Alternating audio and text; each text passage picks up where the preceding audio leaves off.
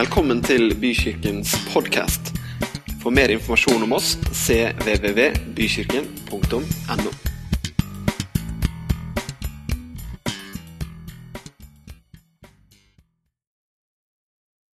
Så bra. Er det bra med dere i dag? Og jeg har grugleda meg til å skulle snakke her i dag. Det er alltid sånn spennende når man ikke snakker så ofte. Um, de siste søndagene så har vi prata mye om veien videre, og jeg tror vi skal fortsette en del på det i dag også. Og vi bare repeterer litt i forhold til det vi har snakka om, at eh, det er sånn som det står i Filipperne 1,6.: Han som har begynt en gode gjerning, han har tenkt å fullføre den. Amen. Du vet at eh, Kan jeg få litt mer diskant? Også litt mer monitor? Yes. Eh, du vet at Ofte så har vi forkynt, og vi har delt og vi har tenkt, og så har det vært sånn her at ja, bare du får billetten til himmelen, så er det bra. Og har vi til og med kommet på toget, så er det enda bedre, liksom. Noen som kjenner igjen denne terminologien her? Himmelen og toget. Og så har jeg tenkt den siste tida at du og meg, hvor kjedelig det er med det toget. Eh,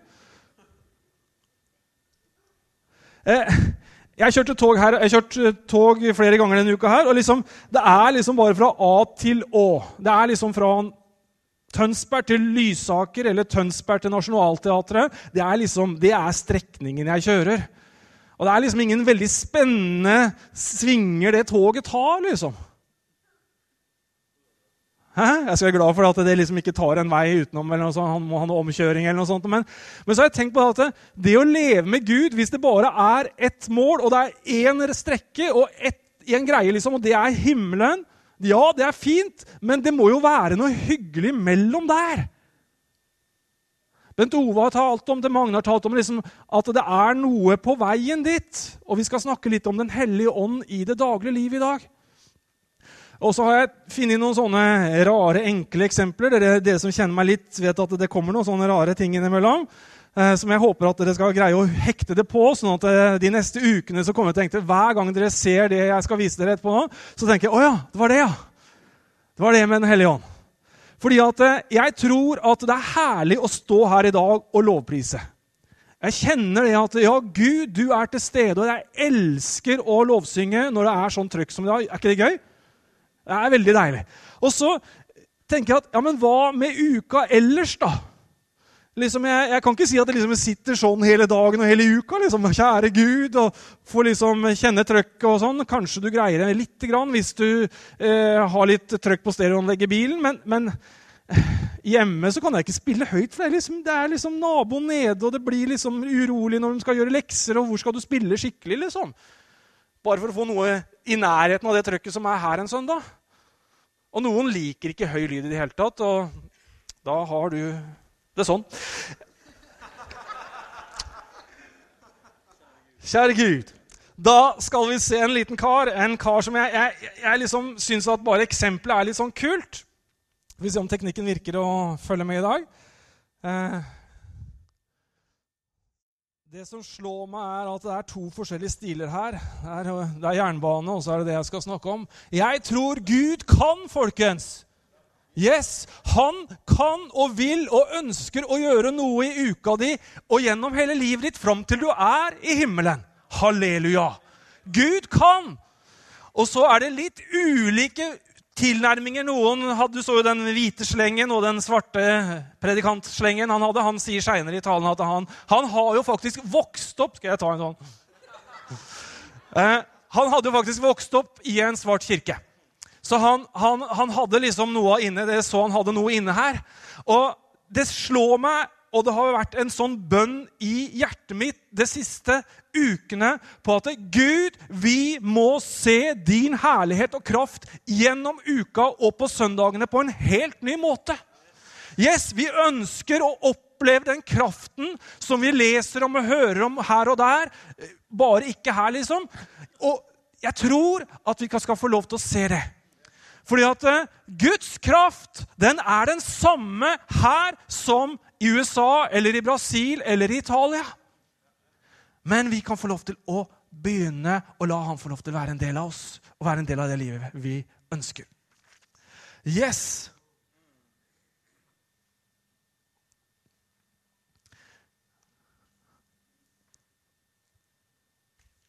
Jeg ønsker å oppmuntre i dag til et liv med Gud som er spennende.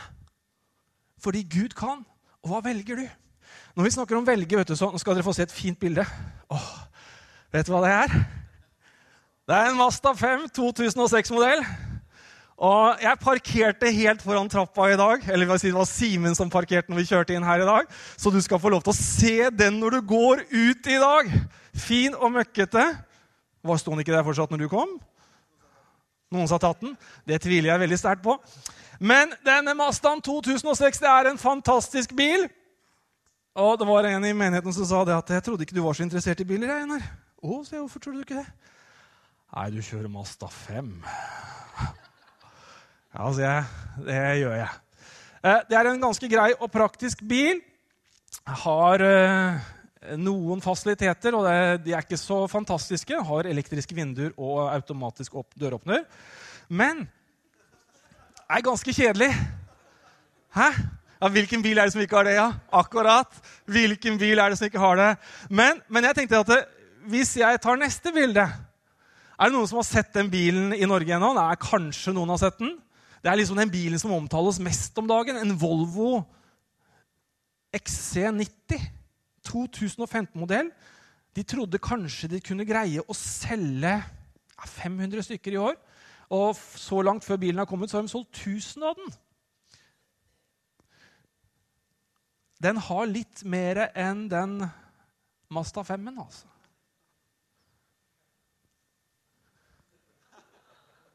Hva ville du valgt? Nei, det gikk et hakk for langt. Hva ville du valgt? Hvor mange ville valgt Volvo? Hæ? Var det ikke flere? Hvor mange ville valgt Mastaen? Er det sant? Er det noen som ville valgt Mazdaen?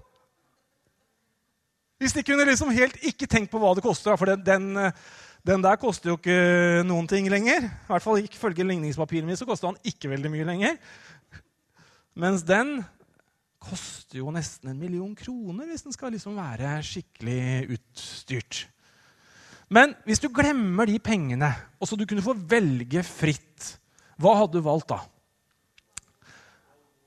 Nei, Gutta har valgt Volvo. Jentene sier Masta. Ja, ja. Nei, nei, nei. Poenget mitt er at den bilen dere nå ser, den har noe ekstrautstyr. For å si det sånn. Og det er det jeg egentlig har tenkt å knytte noe opp mot i dag. Fordi at hver gang når dere ser bilde av den bilen, så kommer du til å tenke på ekstrautstyr. Så kommer du kanskje til å tenke på det jeg har snakka om i dag. Det står det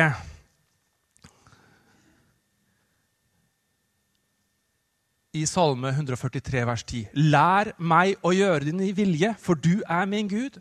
Må din gode ånd lede meg på jevnt land. Og jeg er jo liksom ikke i tvil om at Mastaen min, den duger greit når jeg kjører Nøtterøy-Tønsberg-Nøtterøy. Jeg har ingen god grunn for å kunne velge en Volvo XC90 for at jeg skal transporteres den etappen. Det er en lidla kjedelig vei ut forbi Ramdal og ut der jeg bor i Åsen. Eh, Simen og jeg, min sønn, vi mye eller snakker nesten hver gang vi kjører inn. Alle de der kummerlokka det er liksom det største problemet vi har på vei innover. Dudunk, dudunk. Det er nesten som å kjøre tog. Eh, føles og høres i hvert fall sånn ut innimellom. Det er, liksom, det er den store utfordringen. Eh, det er sjelden det er noen strekk som jeg i det hele tatt kan tenke på å kunne bruke noe sånn som en cruisekontroll. på den avstanden. Eh, men jeg tenker liksom Kanskje Gud ønsker innimellom Jeg kunne til nød trengt en firehjulstrekk, for det er litt bratt opp enkelte dager når det er glatt. der hvor jeg bor. Det er, liksom, det er det jeg kanskje kunne trengt. Men jeg tenker jo at Gud gjennom uka faktisk Det veksler litt nå, hører du. At, at det kunne vært spennende å tatt noen lengre turer innimellom. inn på litt grann veier som var kanskje litt mer krevende, enten i hastighet eller i underlag, eller eh, hvordan du Når det gjelder svinger osv. Og, så og jeg tenker det er litt sånn at eh, for å leve et helt plaint, vanlig hva skal vi si, hvitt kristenmannsliv Skjønte uttrykket? Så er det ikke mye du greier. Det er liksom toget og rett fram, og vi har himmelen i vente. Og så er det liksom går ukene. Men jeg har mer tro på en variant hvor vi får lov til virkelig å oppleve ting gjennom uka. Hva slags uke har dere hatt denne uka? Har dere hatt det gøy denne uka? Spennende ting som har skjedd? Ja. Har det vært knytta noe opp mot Gud? Ja. Jeg har opplevd mye rart de siste ukene som jeg liksom har tenkt Kjære Gud, at du er her. Altså på den måten, da. Og jeg tror egentlig det handler litt om hvilken bil vi velger i garasjen når vi setter oss om morgenen. Nå har ikke jeg sånn stor garasje at jeg kan ha to biler ved siden av hverandre. Sier Stian. Eh, han har plass til to biler. Men, men, jeg tenker litt at når Jesus sier at vi skal ta opp vårt kors hver dag, når vi skal koble på For vi trenger noen ganger å koble på om morgenen. Så er det litt sånn, hva, hva, Vi snakker en del om det i Life-gruppa også. Hva gjør vi om morgenen når vi våkner? Liksom, er det første bare på med nyhetene og fullt trøkk? Eller tar vi opp korset vårt? Ønsker vi å koble på med Gud? Og som en i gruppa sa, at liksom, når jeg har kanskje lest et ord har eh, bedt litt i bilen om morgenen før jeg går på jobb, så blir dagen annerledes.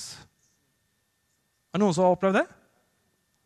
Det blir liksom helt annerledes når vi plutselig kommer til, eh, til at vi kan bruke og ha, ikke bruke, men ha tiltro til Gud i det daglige. Jeg kom her en eh, morgen i januar på konferansesenteret. så, Det var slutten av januar. Det har vært helt stille veldig stille når det gjaldt bookinger. Og konferanseansvarlig vi snakka sammen, og så sier hun til meg at ja, men eh, vi har gjort det, Einar, og jeg har gjort det, og det vi snakka om der, har jeg gjort, og det jeg har gjort. Og, ja, så det er jo ikke så mye annet vi kan gjøre enn å be.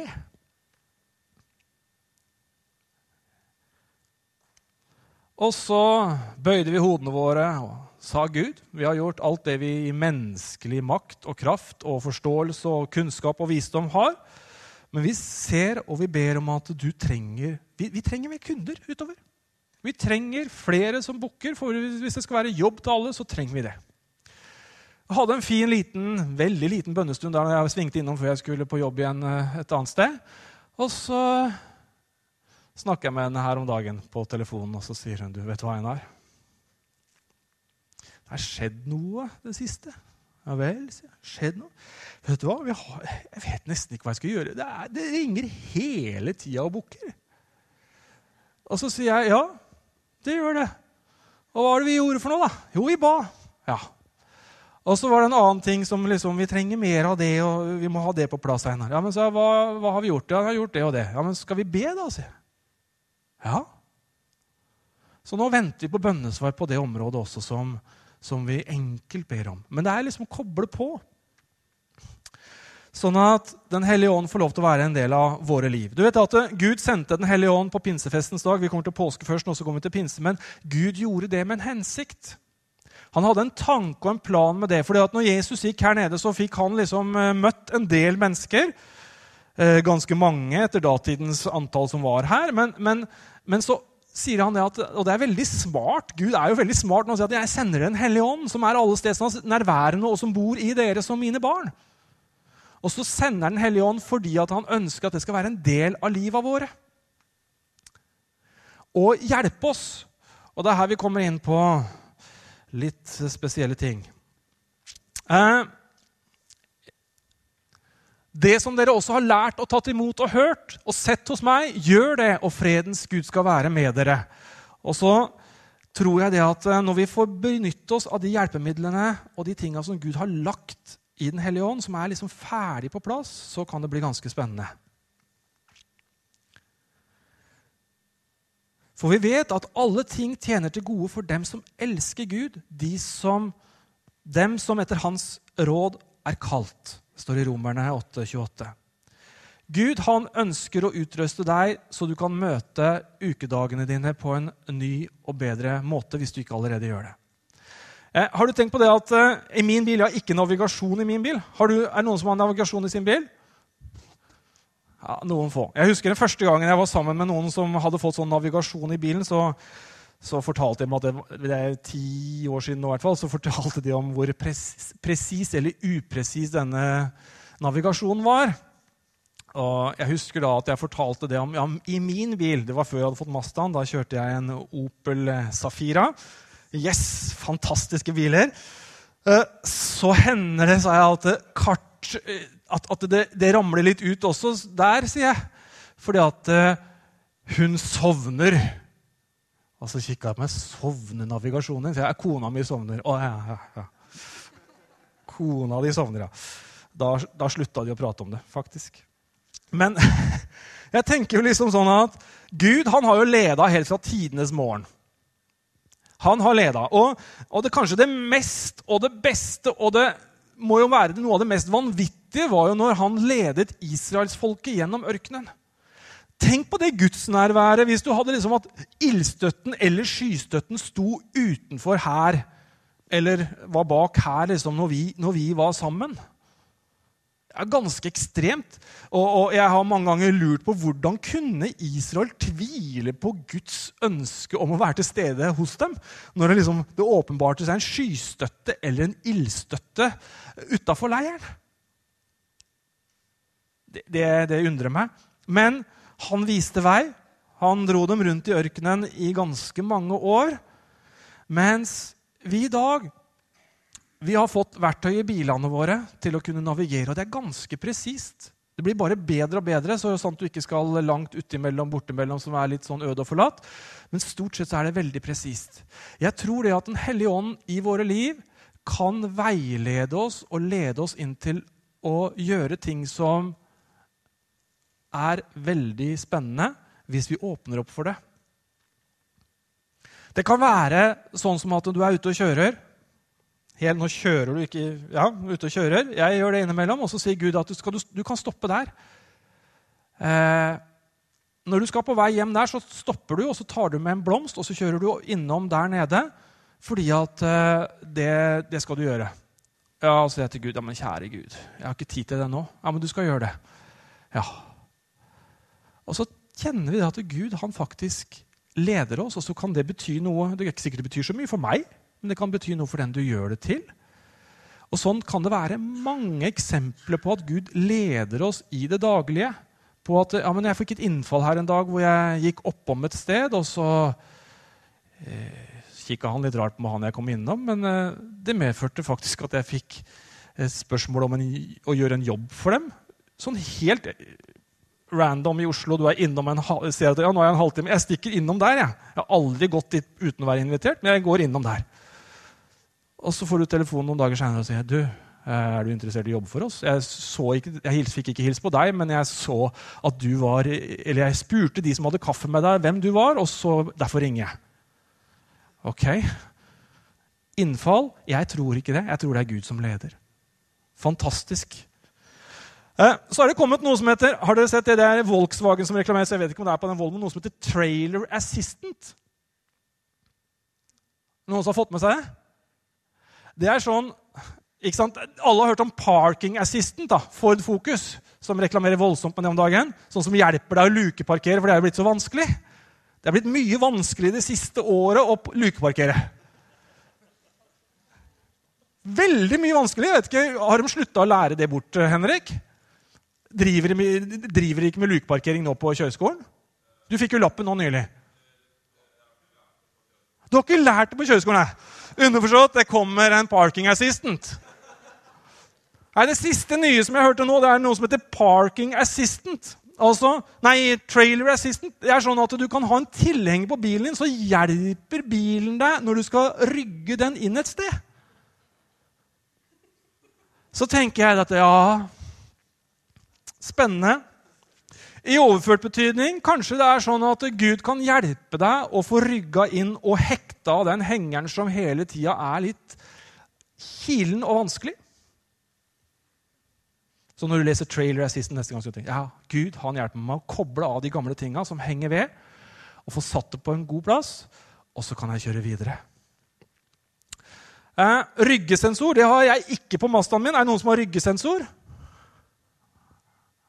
Det står bra til med bilparken i Bykirken, ser jeg. Det er, det er veldig greit, altså. Men vi er jo liksom ikke laga for å rygge, men det hender vi må gjøre det for å endre kurs eller for å stoppe opp og parkere osv. Eh, veldig fin greie. Og så har vi noe som heter frontsensor. Sånn som at du bremser opp hvis du kommer for nærme bilen, for den Volvoen har det. Så du bremser opp når du kommer for nærme bilen foran. Kanskje vi noen ganger går fortere enn det Gud ønsker at vi skal gå. Kanskje vi trenger å bremse opp for å høre på ham? Og kanskje vi trenger å bruke parkeringsassistenten for å kunne stoppe opp litt innimellom og ja, hvile. Vi blir så ivrige. Jeg har vært litt for ivrig innimellom og kjørt fullt trøkk fullt trøkk hele tida. Og så har jeg tenkt etterpå at gode Gud, hørte jeg egentlig hva du ville? Eller bare kjørte jeg på i eget eh, hva skal du si, talent og velbefinnende? Jeg tror vi har mange, og meg sjøl vel inkludert, på at det der å jobbe liksom, Yes, jeg jobber, og jeg står på. Og så gir jeg jernet. Og så tenker jeg noen ganger kanskje jeg burde stoppa litt mer opp og høre på hva Gud vil i mitt liv. Jeg er blitt mye flinkere de siste åra. Og når jeg snakker med unge mennesker, så sier jeg ikke gjør det sånn som jeg har gjort det.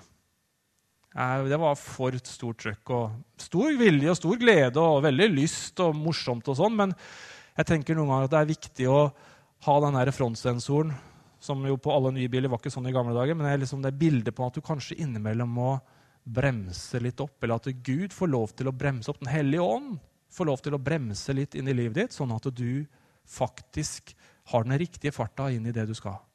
Hvis du ikke har den riktige farta, så kan det hende du passerer det der du skulle tatt av. Du vet når vi kjører fort? Er det noen av oss som har kjørt fort? Noen som har kjørt litt fort innimellom? Jeg har aldri kjørt på sånn bane før, men jeg har hørt at det er utrolig gøy. Og at det går veldig fort. Men greia er jo det at jo fortere du går, hva skjer med sidesynet ditt da når du går fort? Hvor har du fokus? Du har fokus langt der framme, men sidesyn det bare, det bare fyker forbi. Og Derfor så tenker jeg at Gud, han, i hvert fall hvis det får lov til å fungere gjennom Den hellige ånd, så kan han få lov til å redusere litt på farta. Og så får du tatt av på riktig sted. Jeg var i USA her for noen år siden og besøkte en kar i kirka vår. og Der var det seks eller åtte filer i én retning. Og så gikk det veldig fort. Og så var det mange sånne bruer, sånne avkjøringer over under ved sida sånn i Houston. Og jeg skal si deg, Det har vært både fint med eh, sånn eh, frontsensor, og det har vært fint med noe som heter eh, noe så fint som sånn side, Volvo har blant sånn sidesensor. Hvis du skifter og det er noen der, så piper den og blinker den. Så du ikke liksom Side assist, er det det heter? Line assist. Sånn skulle jeg hatt når jeg var i Houston, for det bærte og det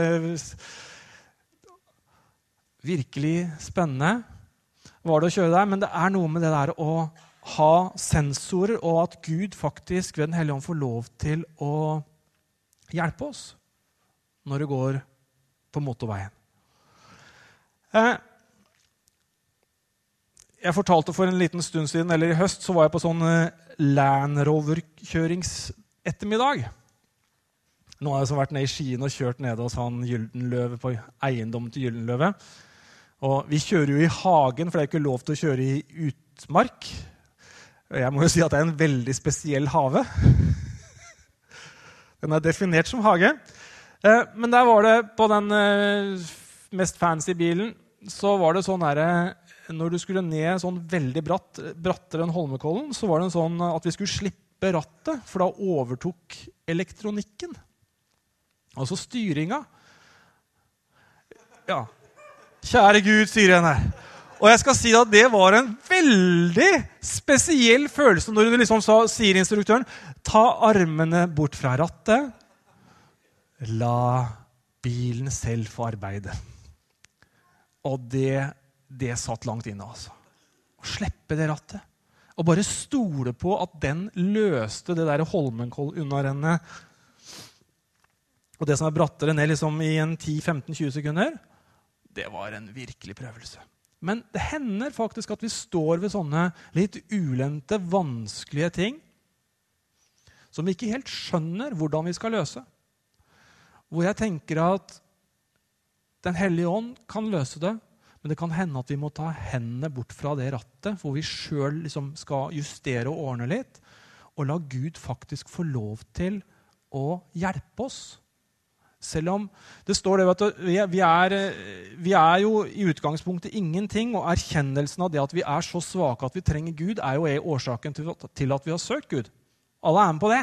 Det er liksom ikke fordi at du er så innmari flink og vært så innmari snill og god og hyggelig. Det er ikke derfor du er en kristen. Man i enkelte tror at det er derfor man er en kristen. Men som jeg sier til dem at eh, når jeg prater med sånne, at det er jo ikke det det handler om. Det handler om at jeg erkjenner at jeg faktisk ikke strekker til og trenger nåde, hjelp for å leve et bra liv. Så når vi står ved de utfordringene, at vi slipper opp og erkjenner at Gud, det er bare du som kan løse det. Det er viktig.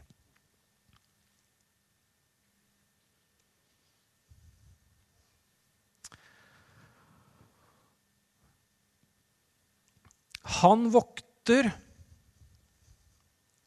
Retten stier og bevarer sine frommes vei, står det i ordspråkene.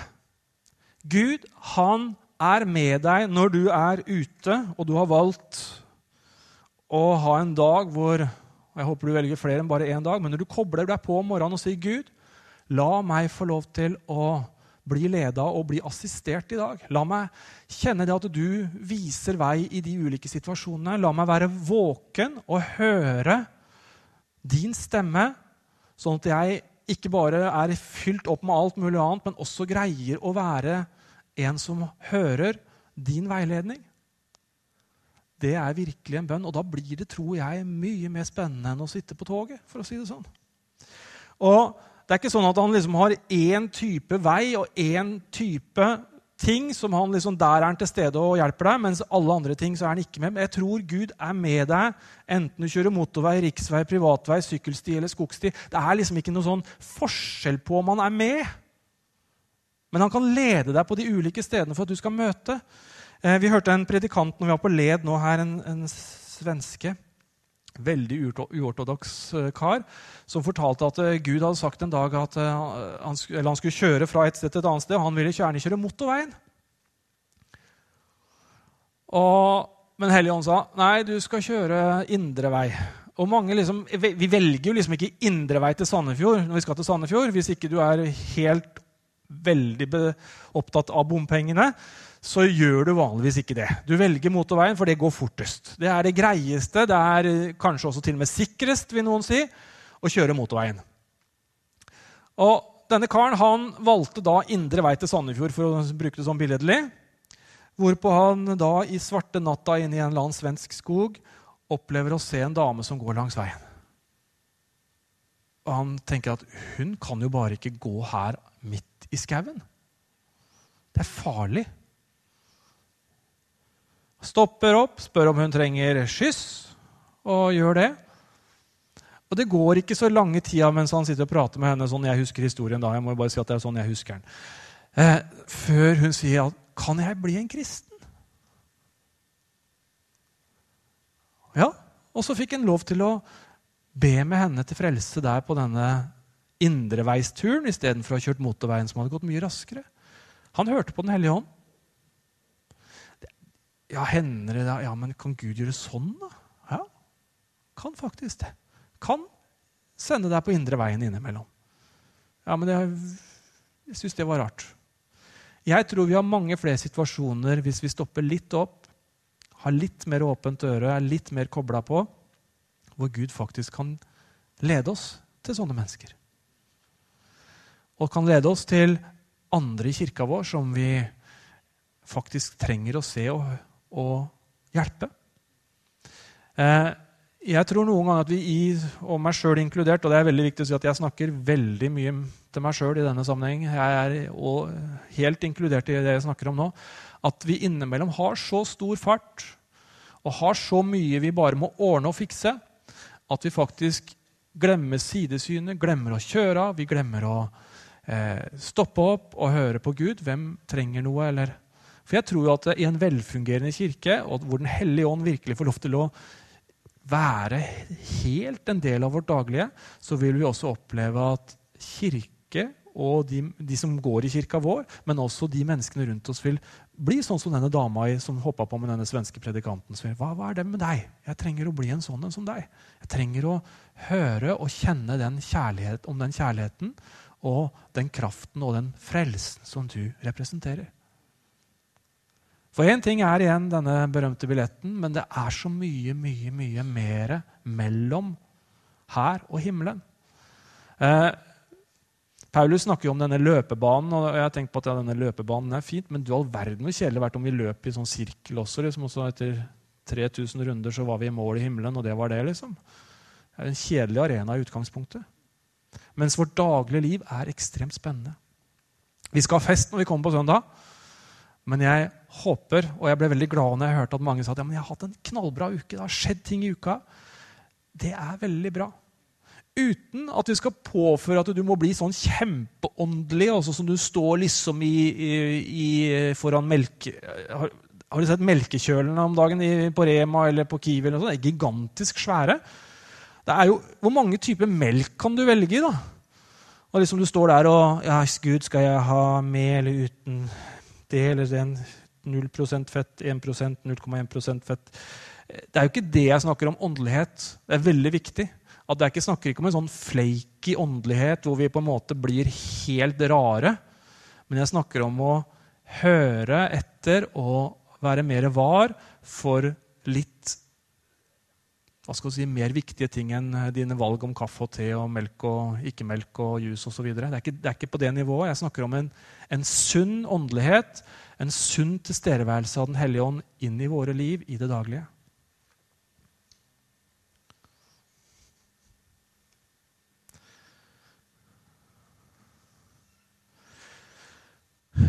Gud kan, begynte vi med i dag. Og Gud kan hjelpe oss til å fullføre det løpet. Gud han ønsker å være til stede. Og han ønsker å være Kommer jeg ut av det nå? Sånn. Gud han ønsker å være til stede i våre private liv. Han ønsker å være til stede i vår familie.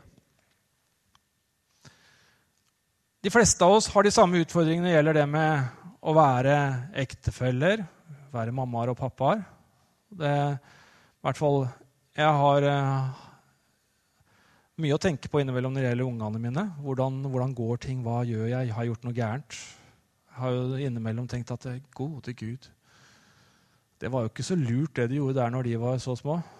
Vi har rydda litt på noen sånne loft de siste, siste halvåret. Og så finner du fram ting, og så finner du noen bilder, og så finner du noen ting. Og så tenker jeg Kommer det også noen minner fram? Jeg er blitt så gammel vet at jeg begynner å få voksne unger.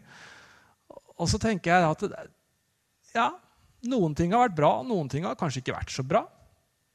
Noen ting har jeg tenkt at eh, Hadde jeg søkt Gud på det, så hadde det kanskje vært litt annerledes. Og jeg tenker at det å la Gud være en del også av hvordan du lever hjemme, ikke bare i kirka eller på arbeidsplassen eller blant vennene, er faktisk veldig viktig. Arbeidsplassen din Veldig lett å være kritisk og synes at ting ikke er som det skal være. Hva med perspektivet på å begynne å velsigne arbeidsplassen din? Snakke bra om dem,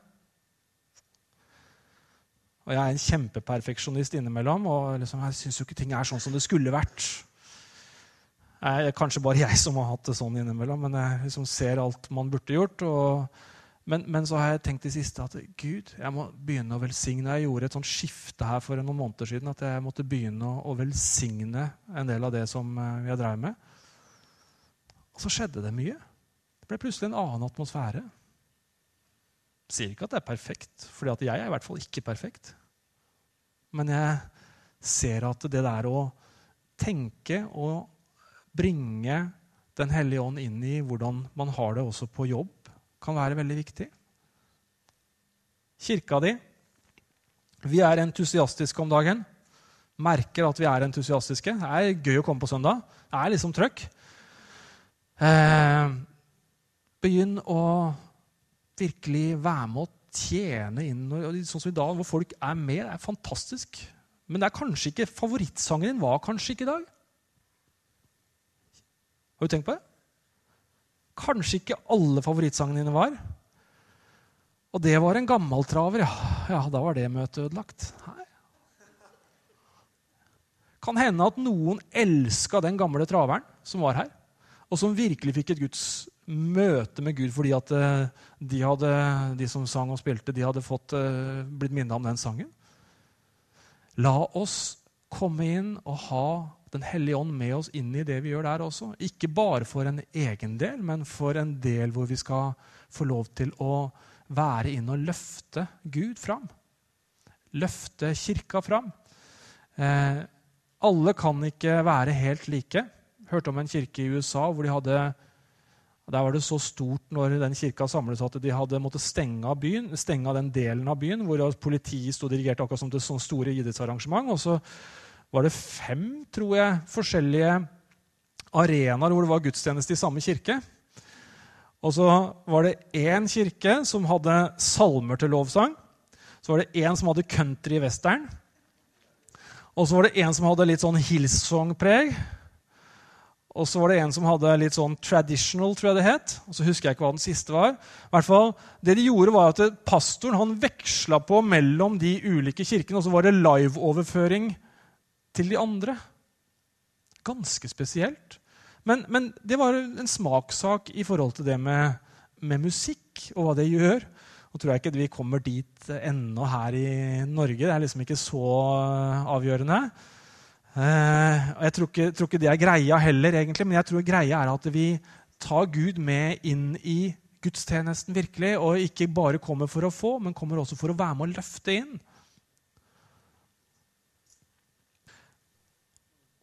Så nå når du ser Volvo XC90 neste gang, så kommer du til å tenke på at parking assistant og cruisekontroll og navigasjon og alle disse tinga her. Hæ? God is able, tenker du når du ser XC90. Gud han gir deg muligheten. Gud han ønsker å få lov til å bidra inn og assistere deg og hjelpe deg i alle livets situasjoner, på alle områder, fordi at han kan. Han er den eneste som kan. Og Derfor så kan du få lov til å være den du er, fordi at Gud han gjør noe i deg. Mange mennesker prøver i egen kraft, egen, med egen kropp og sjel og talent, som også Gud har gitt deg, til å strekke til. Mens han ønsker egentlig bare å assistere deg mer og mer. for å si det på den måten. Han ønsker å bidra inn i livet ditt, sånn at eh, du blir mer lik han. På en god måte. Og det er fantastisk.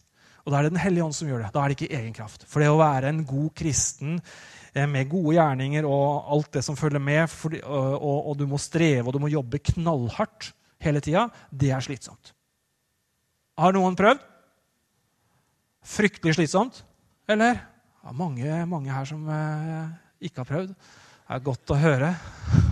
Virkelig bra. Og dere kom opp, Stian.